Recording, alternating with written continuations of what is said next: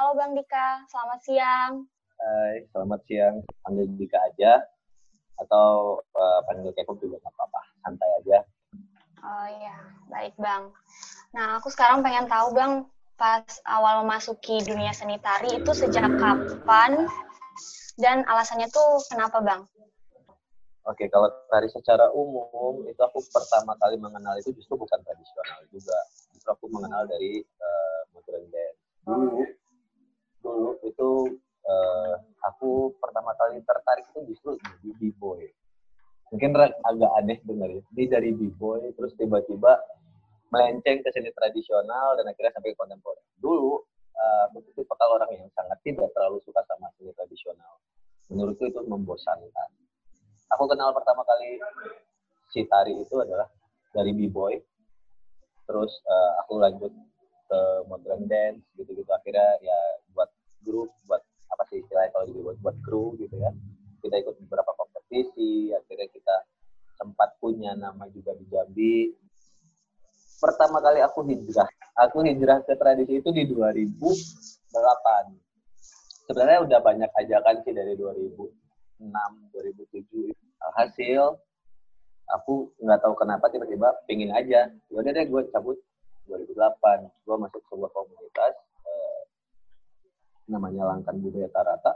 Nah itu pertama kali aku kenal tradisi apalagi itu waktu itu di Jambi ya. Jadi mayoritas tradisi yang aku pelajari adalah konteksnya Melayu. Ya walaupun ada beberapa tari daerah lain juga yang kita pelajari ya.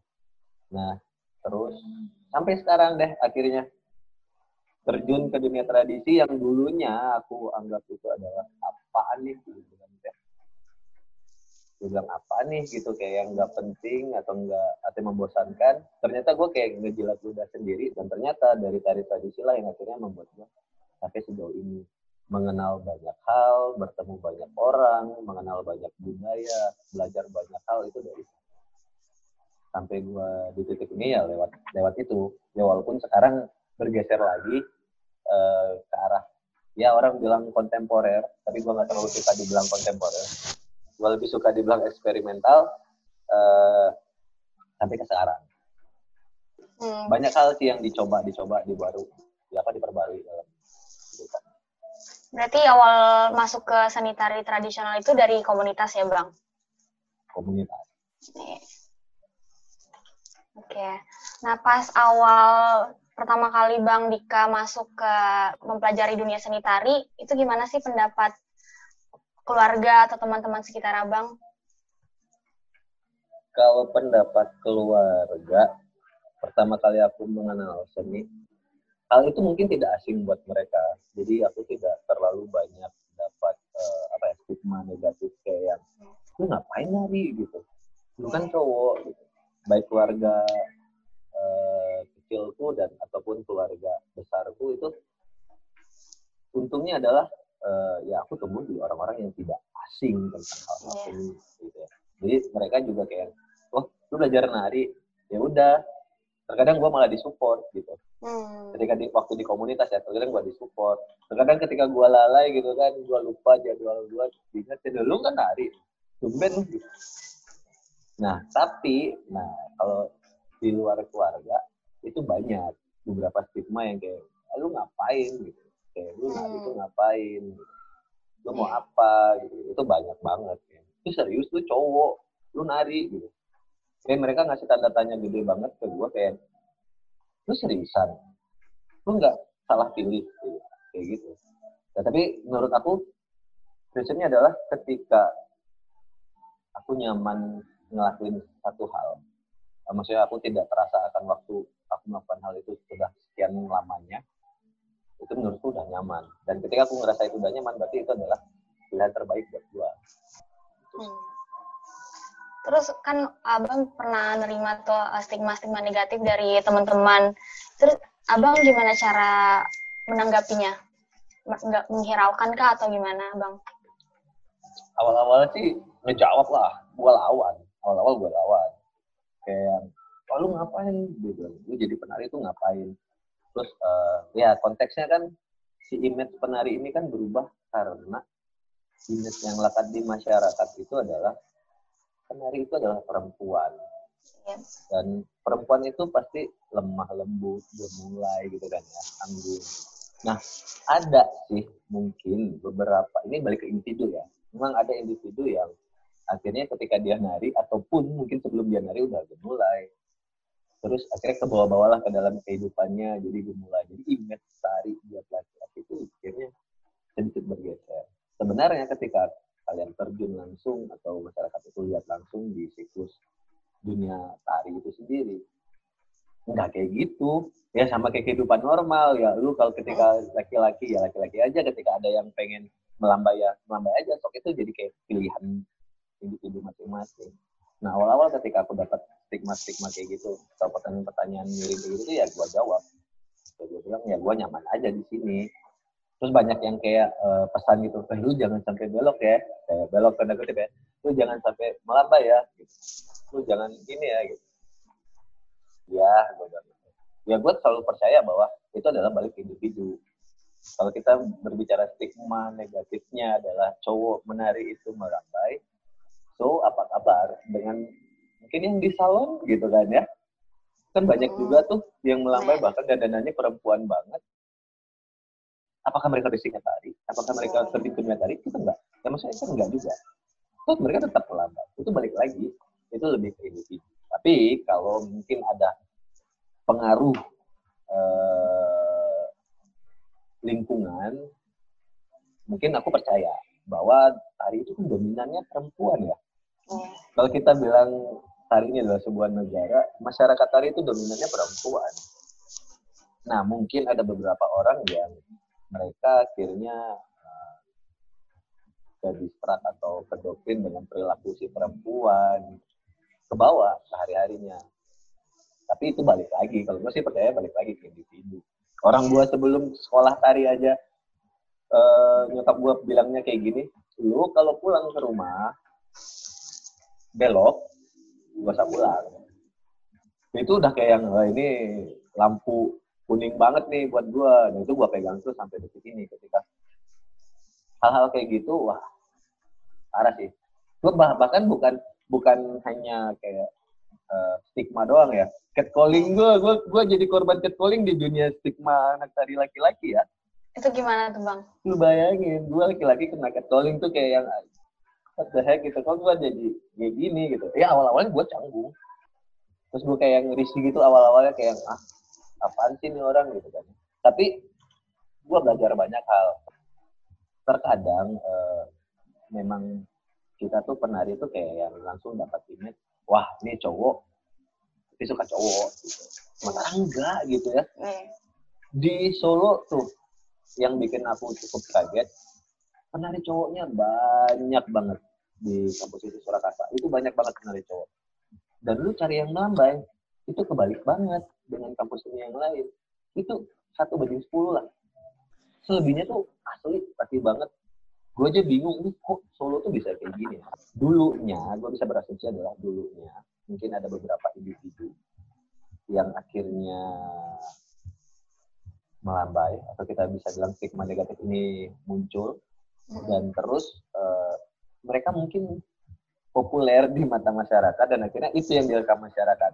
Ay. Kan masyarakat kan biasanya tuh senang banget dengan sesuatu hal yang populer gitu mungkin si orang Malamba ini dulunya tempat populer di masyarakat akhirnya hmm. sampai detik ini si image uh, penari laki-laki itu masih ya walaupun gue bisa bilang beberapa tahun belakang masyarakat itu sudah cukup fleksibel dengan profesi penari dan keberadaan penari laki-laki kita ngubah stigma masyarakat tuh cukup sulit tapi dengan cara lu ngejawab lu cukup tunjukin sikap bahwa lu tidak seperti stigma yang mereka lontarkan itu udah -hmm. Terus kan kada adanya stigma negatif tersebut, mayoritas yang enggak semua. Gimana sih seharusnya kita sebagai apa ya lingkungan sekitar kita menanggapi adanya profesi penari laki-laki itu, Bang? Kalau menanggapi gimana profesi laki-laki, kita harus kan harusnya kita nyamain frekuensi ya. Yeah. Si masyarakat dengan kita yang memang uh, kenal si dunia tari. Sebenarnya kalau kita tilik lagi atau kita tarik lagi ke tradisinya dulu itu kan uh, apalagi aku kita ngomongin Sumatera aja lah nah, gue biasanya di Sumatera zaman eh, peradaban Islam masuk. Wah, gua jadi ngobrol serius. Zaman peradaban Islam masuk, itu perempuan tuh nggak boleh tampil di depan umum. Benar kan? Secara sejarah itu memang sangat benar. Secara ajaran agama juga itu benar. Bahwa dulunya si wanita ini nggak boleh tampil di depan umum. Makanya tarian uh, kalau kita ngomongin Melayu itu ada zapin. Nah zapin itu dulunya tradisinya adalah ditarikan khusus laki-laki. Di mana tarian ini biasanya waktu ditarikan itu antara jeda dari beres sholat maghrib menuju sholat isya. Atau di Timur Tengah mungkin kalian dengar istilah sufi, apa sufi. Sufi itu waktunya dilakukan itu di situ kayak uh, dari lu beres maghrib menuju isya. Mereka sufi, jadi mereka menunggu waktu Isa datang dengan sufi. Nah, dulu penyebaran agama ini dilakukan lewat tari. Di mana ya syair lagunya itu ajaran semua, puji-pujian dan sebagainya. Sehingga orang tertarik. Menurut gua adalah dulu aja perempuan itu emang nggak boleh gitu. Ini adalah laki-laki gitu Khusus laki-laki dari itu justru malah. Kalau kita lihat dari kajian si uh, perkembangan Islam gitu di beberapa tradisi itu mereka buatkan khusus kayak ini tari khusus laki-laki, ini tari khusus perempuan, dan ini tari khusus berpasangan. Kita bisa bandingin di seluruh daerah Indonesia, tari yang berpasangan, walaupun gerakannya sama, volume dan karakteristik gerakannya berbeda. Kenapa? Mereka udah menyesuaikan. Ini pet porsinya perempuan, ini porsinya laki-laki. Nah, terkadang kan kebebasan orang berkreativitas itu akhirnya merubah stigma itu ya. Mungkin mereka uh, orang-orang yang cukup apa ya, mereka punya jiwa feminis yang lebih kuat ketika ada era modern uh, muncul dengan kebebasan berkreativitas itu jadi topik mereka. Sebenarnya tradisi pun banyak banget. So balik lagi, tapi zaman dulu tuh nggak ada istilah belok-belok kayak gitu ya mereka tetap laki-laki tapi mereka memerankan peran lu bayangin bapak-bapak kumisan tebal sangar terus pakai dandanan uh, pengantin perempuan sunting gitu-gitu. Agak aneh ya itu di situ nilai nilai tradisi mereka. Tapi sekarang kan kembali ketika laki-laki muncul justru malah aneh menurut orang. Padahal tradisinya mah itu khusus laki-laki ya walaupun ada di daerah Jawa itu memang yang khusus perempuannya banyak. Karena kita balik lagi. Jawa dominannya adalah keraton kebutuhan keraton akan berbeda dengan masyarakat di daerah yang non keraton. Mm -mm. Jadi tergantung dari tiap daerahnya ya bang? Iya. Sebenarnya udah ada sih penari laki-laki yang bergaya perempuan. Stigma masyarakat tuh nggak ada yang negatif. Nah, justru menurut aku yang terjadinya stigma negatif ini adalah ketika semua itu diangkat menjadi sebuah pembicaraan. Sehingga kan jadi banyak uh, perspektif yang masuk dan jadi pro kontra. Tapi emang kayak gitu kenyataannya di lingkungan sosial kita, kita nggak bisa nutupin hal-hal itu. Setiap orang tuh punya sisi maskulin dan femininnya, benar nggak? Iya. Nah, tergantung kadarnya yang mana yang besar di diri mereka. Ketika lu paham akan hal itu, menurut gua ya stigma masyarakat akan baik-baik aja. Kenapa hmm. di daerah di negara luar itu jadi baik-baik saja? Karena mereka paham yeah. bahwa setiap setiap manusia punya dua sisi itu. Tapi di masyarakat kita itu tidak semua paham tentang hal itu. Mereka cuma paham, lu laki-laki, lu perempuan. Ya. Nah terus bang, awalnya kan bang Dika bukan di bidang tari tradisional, awalnya di b-boy. Ya. Itu uh, apa sih, kenapa alasan bang Dika pengen fokus ke tari tradisional padahal kan alirannya tuh beda beda banget jauh jauh banget awalnya itu kayak gue berapa kali dapat ajakan buat gabung terus kayak jalan jalan. Dimingin-mingin wah bisa keluar negeri karena bukan itu yang gue cari. Tapi suatu waktu tiba-tiba gue kayak kepingin aja sendiri. Jadi deh gue masuk nih. Gue aja masuk ke komunitas itu semua dites tari. Gue ditanya lu bisa nari? Kagak dulu lu bisa apa? Lu bisa b-boy. Ya udah stop lu nge-b-boy lah. Terus gue nge-b-boy nih yang lain pada bengong gitu ini anak kok aneh ya masuk mau uh, masuk standar uh, tradisi tapi tesnya b-boy tapi yang ngetes gue bilang gini sama aja. Mau modern mau tradisi sama aja. Pakemnya akan sama akan ada wirama wirasa wiraga di dalamnya. Nah kita cukup pegang tiga itu dia bilang. Ketika lu paham akan wiraga wirama dan wirasa ya berarti lu akan gampang nanti transkusnya ke media yang beda. Maksudnya wadahnya beda. Media mereka juga akan sama gerak dan elemen pendukung mereka sama-sama musik. Dua tahun dulu gua jalanin terus agak aneh rasanya badan gua awalnya ya. Hmm. dari yang kalian mungkin bisa bayangin awal-awal aku nari dulu kayak yang ini pengalaman cuma penari kayaknya baru belajar. Yang tangan sama kaki itu barengan ngangkatnya gitu ya. Tangan Hmm. kanan sama kaki kanan tuh barengan gitu kan ya. Itu gua alamin dulu. Sampai dua tahun tuh akhirnya tiba-tiba gua "Ini kok nggak terasa ya dua tahun? Perasaan baru dua bulan yang lalu makanya gua nyaman fix gua fokus ke sini gua dalamin ini gua putusin buat gua sekolah pindah Berarti karena keinginan diri sendiri ya Bang, pindah Hmm. ke fokus ke tari tradisional.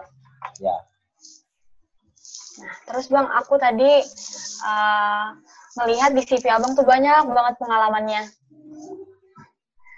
Nah, aku pengen tahu bagaimana sih kesan pertama Abang pas pertama kali tampil menari di depan banyak orang. pertama kali tampil nari ya Iya. Itu awalnya pasti canggung dong. Pasti canggung karena gua gak biasa tampil depan orang pakai dandanan full make up gitu ya. Dulu kan di itu ya baju santai aja gitu kan ya. Iya. Pakai sepatu cat gitu-gitu, sneakers gitu-gitu santai. Terus tiba-tiba lu harus berubah panggung yang lu tidak pakai sepatu lagi, baju lu seragam, terus banyak aksesoris Iya. itu yang bikin kagoknya di situ sih tapi kalau muncul depan orang gue udah terbiasa karena dulu sempat manggung-manggung juga kan. Tapi itu beda pengalamannya. Terus kan apalagi kalau dulu awal-awal nanti kan disuruh gini kan jangan lupa senyum. Iya. benar nggak sih? Itu tuh PR banget bagi penari ketika dia masih newbie ya. Senyum tuh PR banget. Di di saat dia harus fokus sama materi gerakan terus dia harus mikirin kapan timing dia senyum.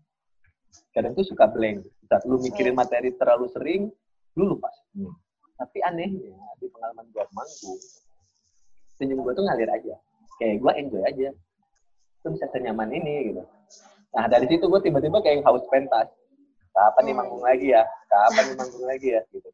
Nah kebetulan memang dikasih jalannya si haus pentas ini biar lepas mulailah berentetan. Dan akhirnya gue dapat kepercayaan juga jadi salah satu ya penari inti lah di komunitas itu dan menjalani beberapa proyek Pertama kali tampil itu pas acara apa Bang kalau boleh tahu? Wah, Tampil syuting di TV, syuting TV apa ya? Lokal kayaknya. Eh, enggak deh, nasional Hmm. deh. TPRI. TPRI, bro. Berarti itu Ya, pertama itu kali sih. tampil depan banyak orang ya Bang? Depan banyak orang dan Yang itu akan ke se-Indonesia. Heeh. Hmm. Dulu, dulu itu kalau nggak salah ada program di TPRI setiap hari Gitu atau Selasa ya. Itu ngangkat budaya daerah se-Indonesia. Nah, gua pertama kali tampil dapatin program kayak gitu tuh. Yang bakal mungkin orang se-Indonesia bakal nonton. Terus gimana cara Abang ngatasin rasa nervous grogi itu? Enggak ada sih, gue nggak punya gue nggak punya ritual khusus buat Hmm. ngatasin nervous ini.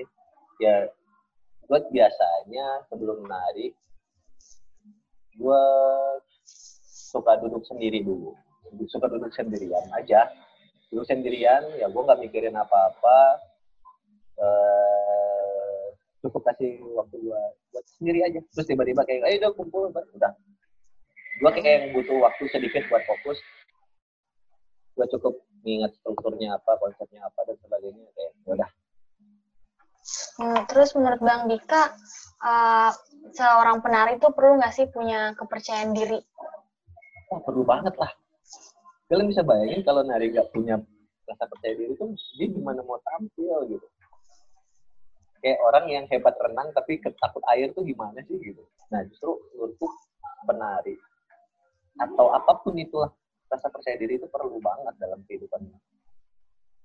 Ketika misalnya kayak gini aja kita ngobrol kalau gua nggak punya rasa percaya diri, ya gua nggak akan bisa ngomong sama orang di tari pun juga ketika lu nggak punya rasa percaya diri lu tidak akan bisa nampilin seminimnya hasil dari proses lu itu mereka nggak akan bisa tunjukin tapi yang jadi PR adalah kebanyakan penari yang overconfident itu Hmm. PR banget penari overconfidence itu PR banget. Dia harus bisa kontrol. Ini poin plusnya sebenarnya. Kalau cuma punya rasa percaya diri doang, tapi nggak punya kontrol buat confidence-nya itu wah itu jadi bumerang buat dia. Nah kalau kita biasanya punya istilah sendiri buat orang-orang kayak gini nih, istilahnya mabok panggung. Kalau kita ya, kalau yeah, di yeah. lingkungan gua istilahnya ngomongnya ini mabok panggung. Jadi kayak ya lu ketika di atas panggung itu kayak ya lu lupa diri eh gitu lu siapa gitu lu apa lu ngapain itu PR banget gitu kalau bisa tuh kayak wah pengen didorong nih keluar panggung aja lu sana lu gitu itu ada sih gue pernah ngalamin proses sama orang yang kayak gitu. PR banget. Ya kita pelan pelan ngasih tahu dia. Nah komunikasi di atas panggung itu juga perlu Yeah. gitu kan. Jadi kayak eh, mengingatkan dia santai santai santai. Kadang mereka tuh kayak ngeluput aja saking asiknya. Nah itu. Jadi overconfidence perlu lah rasa Hmm. nggak mungkin nggak perlu Nah, terus berkaitan sama kepercayaan diri, menurut Abang, stigma dari lingkungan sekitar itu bisa nggak sih berpengaruh terhadap kepercayaan diri seorang penari, khususnya pada penari laki-laki?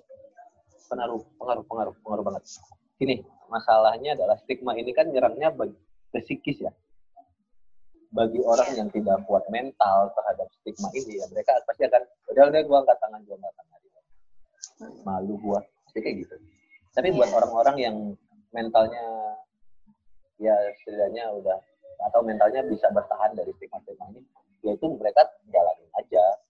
Anggap aja stigma ini adalah di jalanan terus ada polisi tidur gitu. Stigma ini ya anggap aja polisi tidur jangan lu anggap tembok. Kalau lu anggap tembok ya lu akan bentur lu nggak bisa lewat. Tapi polisi tidur ya lu cukup ngerem lu lewatin pelan-pelan lu udah jalan lagi. Jadi jangan anggap stigma itu sebagai pengalaman pesannya berarti adalah ketika menjadi seorang performer selain itu harus punya percaya diri harus punya mental. Karena stigma ini tuh dia nggak ngancurin lu secara fisik tapi psikis lu. Iya. yang digerogotin tuh psikis. Jadi kayak yang ya mereka jadi krisis rasa percaya diri gitu kan ya. Mereka kayak udah deh nyerah. Dia nggak perlu lagi buat menjalani kegiatan menarinya dan bahkan mungkin dia kayak nggak mau lagi ngumpul sama teman-teman tarinya kayak takut stigma ini akan lengket atau melepas di diri nah itu menurutku mental sih jawabannya Terus kalau- mental belum gitu Hmm. Nah sekarang mungkin dari teman-teman audiens ada yang ingin bertanya ke Bang Dika. ya kita santai aja kan sambil Iya, dulu Bang. nggak apa-apa ya Iya nggak apa-apa Bang. Aku mau nanya nih Bang, di Ya. seni tari itu sendiri ada aliran seninya tersendiri nggak sih? Kalau misalnya ada, kayak itu kayaknya kayak gimana? maksudnya aliran kayak gimana nih genrenya Iya. kalau genre mah banyak kan eh, apa ya kalau kita ngomongin tari kan berarti kan dance ya nah itu kan semua apa pun yang kalian lihat itu tari mau itu kalian ketemu hip hop break dance modern dance street dance apa sih sekarang ada lagi banyak eh, punk jazz gitu gitulah banyak banget sekarang genre yang buat pecahan hip hop itu banyak. Itu tari juga. Kalau kita bercermin ke seni pertunjukan yang dari tradisi itu juga banyak banget. Karena tari itu kan berevolusi zamannya. Dari tradisi dia menuju ke era kreasi. Dari kreasi dia menuju ke era modern. Dari modern dia menuju ke era postmodern. Itu nah balik lagi genre-genre ini muncul itu kan juga dari perkembangan zaman juga ya maksudnya di sejarah tari juga gua selama kuliah juga dikasih tahu bahwa era-era ini ada era tradisi, terus kapan muncul era modern, kapan muncul era postmodern, dan setelah postmodern kan ada era kontemporer. Bahkan katanya sekarang tuh udah mulai muncul post kontemporer. Nah, gue nggak tahu post kontemporer ini yang kayak gimana. Nah, menurutku semua genre itu ada gitu. Jadi kalian jangan nggak usah takut. Jadi ngomongin tari itu kadang orang tuh kan, nah ini dia masalahnya stigma masyarakat tuh jadi image-nya kebentuk adalah tari itu tradisi doang. Tari itu banyak banget. Lu mau jalanin apa misalnya? Lu mau jalanin hip hop deh. Gue sukanya hip hop. Hip hop cover dance itu juga tari. Nah, balik lagi kalau kita ngomongin masalah akademis ya, kan di akademis kita diajarin bahwa tari itu elemen pokoknya adalah satu gerak jadi apa pun yang bergerak itu tadi tapi nggak semua semua gerak juga tadi jadi kayak ketika dia bergerak dan dia punya pesan di dalamnya dia ingin menyampaikan sebuah makna itu tari. Gitu. kan banyak juga tari kontemporer sekarang ya dia nggak gerak apa-apa dia cuma jalan-jalan doang. Kayak ya kita banyak banget sekarang ada apa istilah jadi baru ada performing art gitu gitu lah kan beda lagi kayak performing art itu yang si situasi kondisi saat itu yang membentuk pertunjukan langsung dan itu ketika diulang pun nggak akan sama hasilnya. Pun akan beda. Ada performing art ada performance art. Aduh kalau ngomongin genre mah banyak banget. Balik lagi lu nyaman di mana passion lu di mana Terus kalau Bang Bang Dika sendiri kalau dalam membuat suatu karya tarian itu genrenya ada genre khusus nggak? Genre khusus kalau dulu sih ya gue ngikutin genrenya sesuai tuntutan akademik. Di semester hmm. ini lu tugas lu buat karya tipikal dramatik. Beda gue buat dramatik. Di semester depan lu harus tentang ruang dan sebagainya. Gue ngikutin.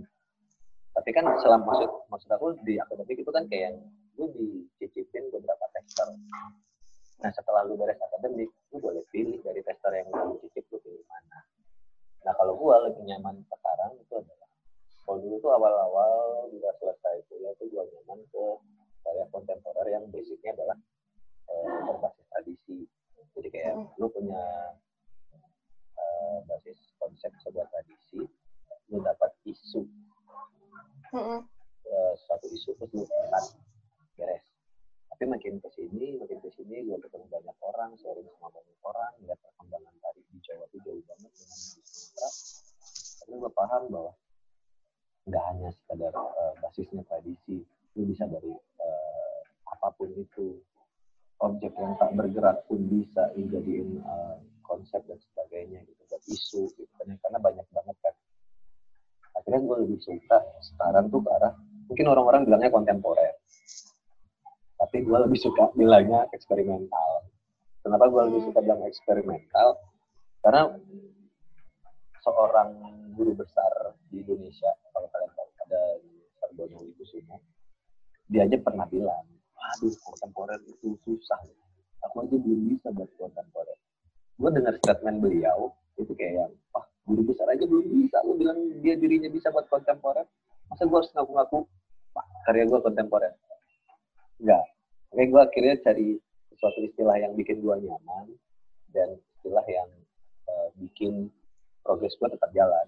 Eksperimental ini kan berarti kan sebuah project yang hasilnya belum fix, belum pasti fix. Sama sebenarnya hakikatnya sebuah karya seni kontemporer juga kayak gitu. Dari katanya aja udah jelas temporer gitu, itu belum fix gitu. Jadi kan selama progres ini kan lu akhirnya mencoba, mencoba, mencoba menemukan sesuatu baru dari nilai semua dan sebagainya. Akhirnya gue lebih suka dengan eksperimental karena kata coba tadi gue bereksperimen aja terus. Selama karya lu working progress ya nggak masalah. Ketika lu ngerasa oke okay, working progress gue harus dipresentasikan ke umum lu presentasikan dulu. Hasil diskusinya apa tanggapan audiensnya gimana lu kan akan godok lagi. Balik ke studio lu otak atik lagi lu lempar lagi working progress makanya gue lebih suka eksperimental Terus kenapa bang kalau tarian kontemporer itu katanya dibilang susah? hal apa yang membuat bisa kayak gitu? Uh, menurut aku kenapa orang-orang bilang susah? Karena jawabannya satu, bahwa tradisi kita di Indonesia itu kan beragam. Dari Sabang sampai Merauke beda-beda. Nah kalau di Barat tradisi mereka sama. Mau di mana pun lu pergi ke Barat itu sama. Tradisi mereka adalah balet. Jadi pemahaman mereka tentang kontemporer itu udah satu. Ketika lu lepas dari tradisi lu itu udah kontemporer tapi kalau kita ngomongin oke okay, kita lepas dari tradisi kita misalnya itu kontemporer misalnya orang Sumatera bisa perform kan pakai baju komplit. Tiba-tiba dia nari wah saya tidak pakai baju konsep bla bla bla bla. Orang bilang itu kontemporer belum tentu di Papua orang nggak pakai baju loh itu tradisi mereka loh jadi pemahaman kontemporer di Indonesia itu masih sangat uh, apa ya bukan simpang siur sih maksudnya kita tuh tidak bisa bikin pemahaman kontemporer itu satu frekuensi kayak orang barat karena mereka tradisinya hmm. sama kalau di pengertian dari kontemporer menurut si Mata Graham itu ya itu kan bilangnya bahwa segala sesuatu yang lepas dari tradisinya dan seluruh anggota Hmm. tubuh itu bisa jadi vocabulary gerak baik itu rambut apa pun itu semua itu jadi kalau dulu kan cuma bagian-bagian yang punya pergerakan ruang gede yang bisa jadi gerak. Sekarang itu kan enggak itu di mata doang atau sebagainya itu mereka udah bisa jadi vocab gerak semua.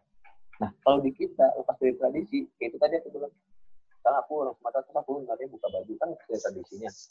Bagi orang Papua kan dia kontemporer. Itu mah biasa dia mereka Iya. cuma tradisi menurut dia. Nah mungkin orang Papua nggak pakai baju terus dia pakai baju kontemporer buat mereka. Buat kita enggak itu contoh sederhananya. Nah karena itu tadi perbedaan budaya sehingga kita agak sulit menyamakan preferensi kontemporer. Tapi biasanya eh, buat di Indonesia itu pemahaman kontemporernya adalah dari konsep. Nah ini yang ini yang agak sulit. Aku sempat nanya ini beberapa kali sama guru-guruku termasuk eh, Mas Eko Suprianto Pak Prof. Sardono itu tuh mau banyak guru-guru besar yang kutemuin di Jawa itu aku tanyain menurut Bapak kontemporer itu apa? Nah mereka bilang kalau kita di Indonesia itu agak sulit buat menyamakan preferensi tapi yang pasti di Indonesia adalah kontemporer itu berdasarkan konsep ketika konsepnya itu merupakan sesuatu yang ya kontemporer kan kekinian ya kekinian walaupun lu tampil dengan kemasan ada semacam pun itu nggak masalah kontemporer. Makanya kadang kan orang salto salto dikit nari udah dibilang wah kontemporer sebenarnya kan nggak juga. Orang zaman dulu aja udah pakai salto salto atraksi debus tuh tadi dari mana datang kontemporer tuh kalau cuma teknik doang enggak. Kontemporer itu lebih ke konsep kalau kita. Berarti emang karena di Indonesia sendiri punya banyak tradisi, jadi susah ya bang. susah. Buat menyamakan frekuensinya susah. Mm-mm. Nah terus di CV Bang Dika tadi banyak banget karya-karya tarian yang udah Bang Dika buat. Ada nggak sih yang terfavorit dan yang paling berkesan saat membuatnya? Boleh ceritain Bang, mungkin maknanya apa? kalau paling favorit ya? semua karya gue pasti favorit lah menurut aku karena kan kita balik lagi tari itu kan ungkapan ekspresi jiwa ya itu ungkapan ekspresi aku semua dan itu pasti favorit tapi yang paling berkesan banyak sih kita ambil tiga tahun terakhir aja ya yang Iya. paling berkesan itu aku ada karya saat ini saat ini tuh baru banget tuh cukup baru lah di akhir 2019 saat ini sama Saat ini sama Energy of Space Oh energi. Itu kenapa Bang? Eh, kalau Energy of Space itu yang bikin menarik adalah eh, aku menyadari bahwa lingkungan sosial atau termasuk individunya ya itu tuh terbentuk si individu ini terbentuk lewat lingkungan sosialnya. Makanya apa sih dibentuk energy of space? Jadi setiap energi pasti punya ruang dan setiap ruang itu memiliki energinya. Jadi kalau kita kaitin ke hukum panggung setiap sudut panggung itu kan punya energi masing-masing ya kayak kekuatan. Ketika lu diri di situ tuh wah beda ketika lu diri di tengah itu beda itu punya kekuatannya masing-masing nah sama ketika lu nari di tempat sempit ruangnya sempit otomatis pergerakan lu akan sempit gitu Mm-mm. berarti kan itu adalah sebuah eh, informasi yang aku dapatkan bahwa ternyata ruang itu membentuk energi lu dan karakter lu Iya. Nah, akhirnya aku dapat beberapa contoh isu sosial yang ada istilah waktu itu lagi booming banget kayak generasi zaman sekarang itu generasi individualis gitu. Hmm. Ada istilah kayak gitu kan. Generasi menunduk dan sebagainya. Nah, itu aku temuin benar. Kenapa? Mereka hidup di ruang ketika gadget lagi lagi gila-gilanya gitu. Tapi kalau lu bandingin sama orang zaman dulu yang belum punya gadget, ya wajar mereka lebih bersosialisasi secara fisik. Nah kalau ini mereka wajar untuk mereka di lingkungan yang ketika gadget lagi itu eksperimental gua satu panggung gua batasin pakai tali banyak banget warna-warni. Ya penari gua cukup. Ya lu jalan aja dari sisi panggung ke panggung dari sisi ke sini ke sini atau kebalikannya lari-lari aja terus nah otomatis kan dia akan dihalangi banyak kali. Iya. ada yang tinggi ada yang rendah. Pilihannya kan di dia. Dia mau loncat dia mau gelinding mau apa ngelewatin batasan-batasan. Nah sama. Berarti kan ruang aku membentuk mereka bergerak ketika gua rubah talinya otomatis gerakan mereka berubah gitu. itu lebih ke eksperimental ya terus Iya. kalau yang saat ini itu aku lebih suka ke yang bikin menarik adalah aku nutup kepala penonton pakai plastik Hmm. dan mereka tidak boleh copot selama aku nari sampai aku dari pertunjukan itu kurang lebih 20 menit lebih hampir 30 menit ya gua nari juga sesek ditutup plastik ya mereka nonton juga sesek. Itu pengalaman paling seru sih. Gua main di Pastakom pasar tari kontemporer itu pertama kali karyanya launching. Gua tutup di gua tutup beberapa penonton pakai plastik dan gua bilang suruh diam gini gua bilang gitu. Mereka nurut gitu gua nggak perlu komunikasi banyak. Bayangin mereka sesek nungguin gua selesai mentas terus ah, ah buka ya gua berbagi aja maksudnya kita berbagi pengalaman bahwa isu di sini adalah gua ngangkatnya masalah plastik kalau kita ngomong saat ini ya saat ini sampah plastik itu luar biasa. Isu tentang plastik itu banyak banget.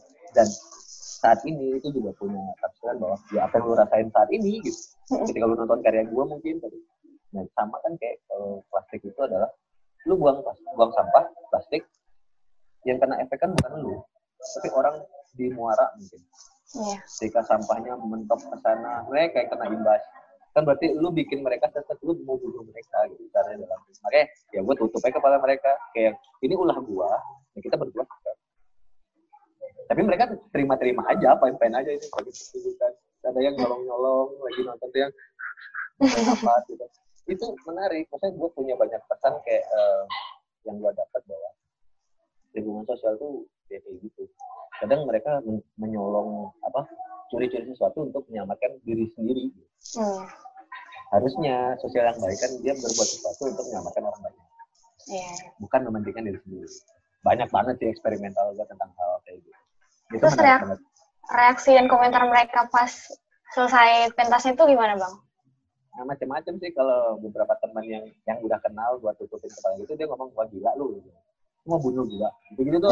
wah gila lu gitu. Dulu ketawa-ketawa aja. Nah habis habis pentas kan ada sesi diskusi sharing gitu. Ya gue jelasin akhirnya mereka paham. Awalnya mereka tuh pasti bingung nih ngapain orang mau bunuh penonton? Kan jadi image-nya beda ya kayak gue nonton pertunjukan tuh mau happy malah disiksa. Sebenarnya enggak juga? Gua gua melibatkan mereka bagian dari pertunjukan gua. Secara tidak langsung kalau lu lihat dari luar circle pertunjukan penonton itu bagian dari properti gua orang yang duduk rapi itu sebanyak plastik di kepala itu kayak yang setting untuk gua luar biasa sekali artistiknya nanti kalau aku mentas di UNJ di Titres siap-siap aja ditutup pakai plastik muka ya.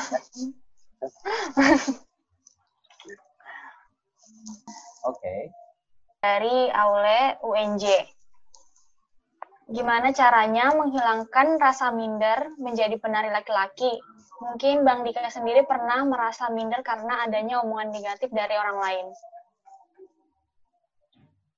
Kalau langsung jawab ya. Ya, boleh. Kalau cara aku ngelawan mindernya aku ya, aku untungnya tipe orang yang sangat cuek ya. Tipe orang yang bodoh amat gitu. Selagi gue nyaman ya gue jalanin. Lu gak suka ya bodoh amat. Gue pakai gitu.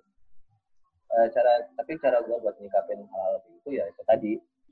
Gue coba kasih beberapa eh, awalnya tuh gue coba kasih pengertian pemahaman. Kalau mereka enggak juga ya udah cuma satu jalan yang harus ambil yaitu lu tunjukin aja sikap dan hasil dari lu berkesenian sehingga stigma itu tidak tidak benar gitu.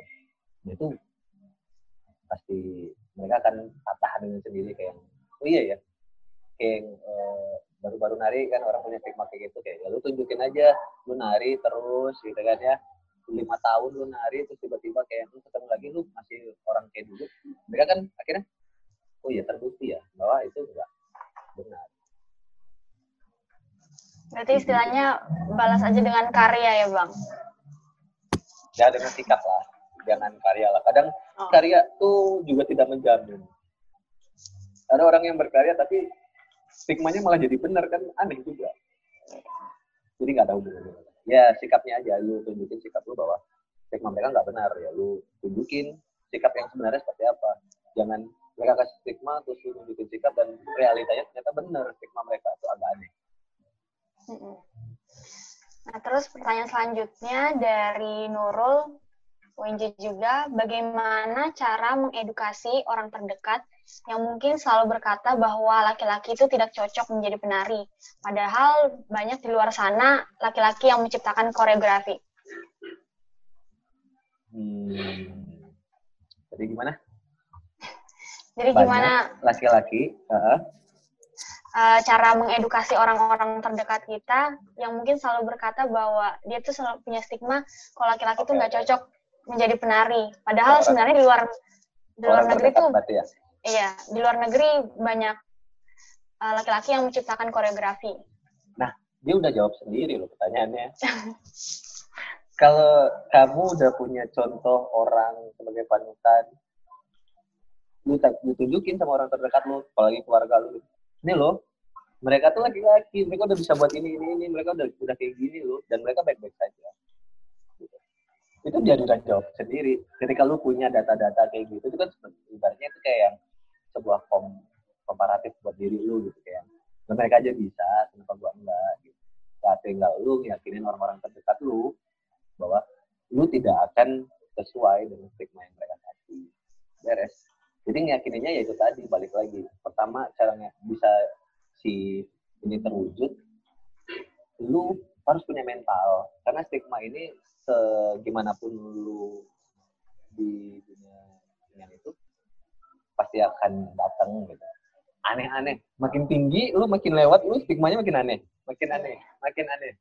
Stigma gue yang udah gue alami itu aneh-aneh tidak cuman hanya laki-laki itu tidak cocok nari. Stigma gue tuh udah yang gue alami itu udah aneh-aneh. Ada yang stigma yang wah penari ya? Wah pasti kayak gini. Beda stigma itu udah beda. Udah yang konteksnya itu lebih personal. Konteksnya tuh udah yang lebih ini kalau orang kemakan sama stigma ini itu gue bilang. Makanya gue bisa sadar bahwa stigma itu yang digerogoti itu adalah psikisnya jadi kalau lu gak punya mental beres yang pertama adalah lu harus kuatin dulu mental lu nah lu bisa ngebuktiin bahwa stigma mereka Yeah. Lo yang dibilang kayak, wah ini orang pertunjukan ya. Oh, ini penari ya. Hmm. Pasti banyak perempuan. Gitu. Hmm. Itu kan stigma jelek ya. Yeah. Kan tidak semua gitu. Maksudku ketika lu mau di kayak gitu, mau mau kasih stigma kayak gitu, ya semua orang bisa kayak gitu. Apa bedanya sama orang-orang saya petinggi-petinggi sana yang punya power, punya uang? Tuh mereka nggak dapat stigma kayak gitu. Kenapa kita penari dapat? Kenapa kita seorang performer dapat?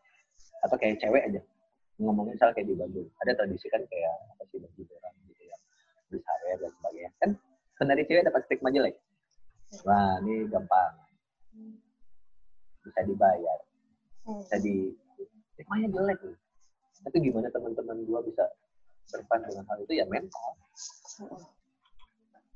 Makanya stigmanya itu tidak awal mungkin lo akan dipertanyakan seperti itu. Ketika lo bisa lewat tahap ini itu ada stigma baru lagi. Yeah. itu lagi ada stigma lagi. Makanya gue bilang jangan anggap tembok anggap polisi tidur. Pasti akan selalu ada di jalan. Lewat tapi pasti bisa lewat. Kalau tembok udah lu mentok mental sih kuncinya. Hmm. ya ya. Oke nah sekarang ada pertanyaan nih bang.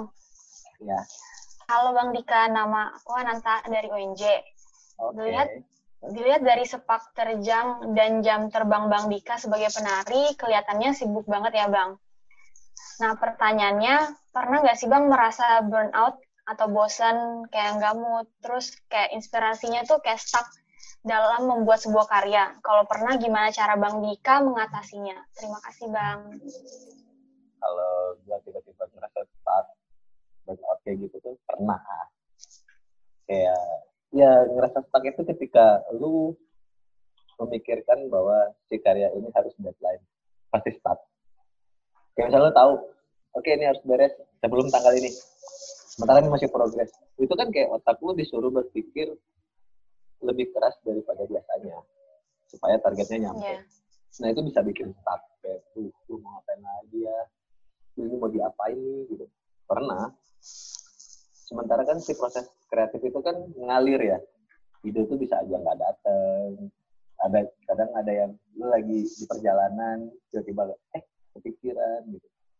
Atau lu baru pulang beres latihan baru lu kepikiran oh ya gue harusnya tadi tuh gini ya catat dulu gitu pernah sih tapi ya, cara gue adalah ya gue ngalir aja gue jalanin aja gue uh, punya prinsip kalau ya apa pun itu yang terjadi berarti itu adalah batas progres karya gue tapi kan sebisa mungkin kita harus sampai target dulu karena biasanya gue buat dulu struktur bagian karya gue dan ada capaian-capaian yang ini harus tahapan pertama gue beresin. Nah ada beberapa juga yang gue gue pisah nih kalau gue berkarya tuh ini tahap bakunya yang struktur pasti.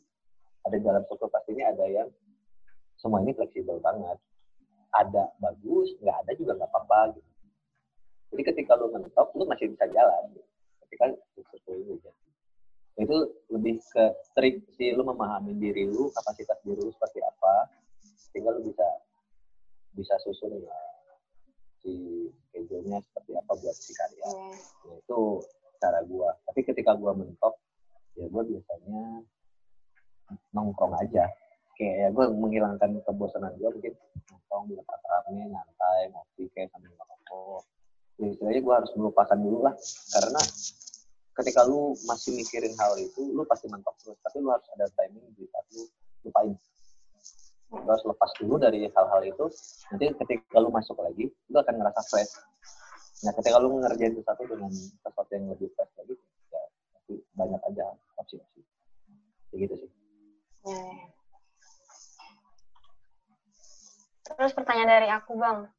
Wes, pernah nggak okay, sih bang Dika menyesal menyesal rasa punya rasa uh, menyesal memilih untuk menjadi profesi penari like? Menyesal sih enggak. Gue justru ngerasa gue bangga dan gue ngerasa gue sangat bersyukur sekali gue jadi penari laki-laki.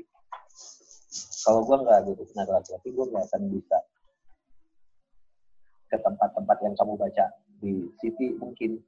Kalau gue nggak jadi penari laki-laki kita tidak akan bertemu di zoom meeting ini. Kalau gue nggak jadi penari laki-laki mungkin gue tidak akan uh, keliling-keliling Indonesia buat tinggal yang gue ngerasa bersyukur sekali. Yang terlepas apa pun yang terjadi di balik itu ya ya gue ngerasa sejauh eh gue ngerasa ya apa yang udah gue alami ya gue syukurin karena ketika lu menyesal di ujung justru itu jadi bumerang. Ya terus gue bangga dong dengan apa yang udah lu buat. Ya gue bangga. Kenapa? Ya akhirnya lewat hari juga orang bisa kenal siapa Dika. Hmm.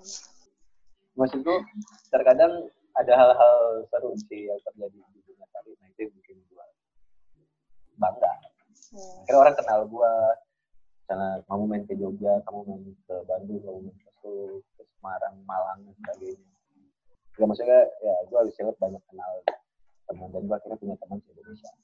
Jadi gue gak pernah takut kalau gue main ke mana pun, terdampar di mana pun, gue gak takut. Berarti Bang Dika justru merasa bangga dan bisa, ya. karena seni tari bisa keliling Indonesia, punya banyak teman di luar ya. daerah. Gitu. Ya, benar. Terus boleh ceritain nggak Bang, uh, apa ya, suka duka menjadi mahasiswa seni tari itu gimana? Suka duka. Sukanya ya sukanya tuh banyak yeah. panggung lah pasti wow suka banget karena anak tari itu udah banyak panggung tuh suka karena banyak cuan pasti ya ya itu kan suka mm. tapi dukanya itu ya itu tadi kadang lo harus ngelewatin stigma yang gak bagus latihan lu diporsir abis-abisan uh, aku pernah ngalamin lu kuliah tuh jam 8 tuh jam pertama ya kalau waktu itu aku. Jam 8 terus kuliah berakhir itu di jam 5 sementara lu boleh berproses latihan dan sebagainya itu setelah jam perkuliahan. Berarti kan dari jam setengah enam jam enam ke atas sampai sembilan ke atas. Itu gua nggak balik dari gua pergi kampus jam setengah delapan pagi gua pulang lagi ke kampus setengah tujuh pagi. Pulang ke kosan setengah tujuh pagi. Itu gua masih pakai pakaian yang sama dari kemarin. Pakai bawa handbag gitu nenteng ke meja sama celana jeans dua tapi gue udah pakai kaos sama ya baju latihan. Matanya masih krip pulang ke kosan. Kadang nggak pulang langsung duduk di kelas lagi gitu kayaknya. Cuma absen doang. Terus kayak bisa hadir gitu. Terus 15 menit kuliah jalan gue pamit izin. Bilang mandi wah kok bu, bu ini kenapa kayak gini? Ya bu belum pulang. Ya udah boleh diizinin pulang tapi gue udah absen tapi gue malah tidur.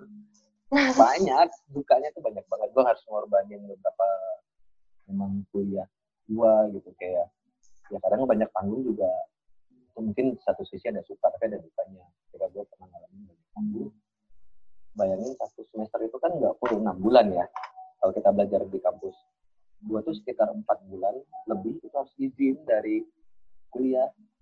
Lu cuma bisa masuk satu bulan lebih untuk perkuliahan. Habis itu ada yang minggu tenang dan sebagainya gitu. Tapi lu harus harus kuasai semua materi. Itu kayak oke okay, gue dalam satu minggu harus ngapalin semua repertoar. Lu bayangin satu mata kuliah ada tiga repertoar. Dan tiga repertoar ini kan biasanya ada gaya putra ada gaya putri. Ya kali dua aja. Berarti ada enam yang harus hafalin. Satu mata kuliah kalau ada tujuh mata kuliah atau empat aja mata kuliah praktek berarti empat kali tiga dua belas dua belas kali dua udah dua puluh empat gaya yang harus hafalin belum karya sendiri belum karya orang gitu kan ya. Yang harus bantu belum karya temen soalnya wah gitu. Belum tuh mikir yang teori soalnya kayak aja nih satu semester gua hafalin dalam seminggu ini gimana rasanya ada momen gua nyerah. Ada momen gua nyerah kayak ngomong ke dosennya udah kayak gagalin aja ntar gua ambil di semester depan atau gue tutor aja. Tapi gue kayak gitu. Pernah ngalamin kayak gitu. Hmm.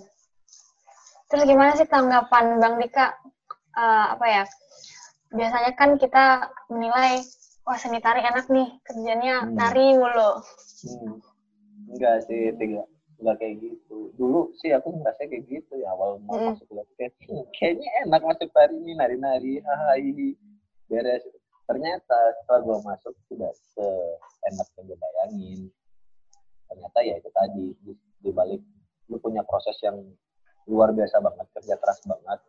Lu harus pintar-pintar bagi waktu. Belum yang belum tugas perkuliahan kan belum apa dan sebagainya. Belum dapat project itu bagi-bagi.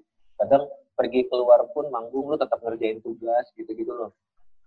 Bahkan kadang lu libur libur semester harusnya lu pulang lu nggak pulang Hmm. Lu masih di masih di sana lu ngerjain ngerjain uh, mungkin ada panggung, ngebantu ujian orang atau buat ujian lu sendiri. Karena biasanya ujian ujian yang bentuknya pertunjukan itu kan nggak bisa sesuai jadwal akademis ya, bisa lewat. Itu banyak banget jadi kayak korban waktu dan sebagainya. Hmm. Tuh itu itu tadi balik lagi mental. Yeah, yeah. Kalau lu nggak kuat mental udah banyak kok teman gua kuliah yang menyerah dan putus tengah hmm. jalan secara mental dan fisik dia nggak kuat.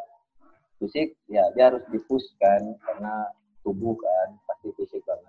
Ada yang nggak kuat kayak yang akhirnya dia jadi sakit sakitan dia nyerah dia keluar dari kampus terus dia pindah kuliah. Ada yang mental nggak kuat ya dia cabut tengah jalan. Jadi itu banyak banget. Hmm. gua aja satu angkatan 60 yang bisa lulus itu paling 40 berapa. Lu hmm. selebihnya tuh ketinggalan di tengah jalan hilang hilang hilang. Seleksi hmm. alam. Oh iya. Nah terus balik lagi bang ke apa ya penari pasti harus punya kepercayaan diri. Ya. Uh, dari bang Dika sendiri apa sih tipsnya supaya kita sebagai penari pemula bisa apa ya meningkatkan kepercayaan diri uh, tips dari gue adalah lu jangan terlalu memikirkan kata orang lain. Boleh lu dengar, tapi jangan terlalu lu pikirin. Ya bukan gue berarti nyuruh kalian untuk tidak ingin mendengar apa yang ada di sekitar. Lu dengar, justru itu buat buat uh, apa ya cerminan aja. Gitu. Kalau toh memang benar, lu langsung proteksi diri aja. Nah makanya jangan terlalu dipikirin. Satu. Yang pertama adalah lu kerjain aja apa yang lu mau ketika lu mau nari tapi lu dapat stigma ya itu tadi.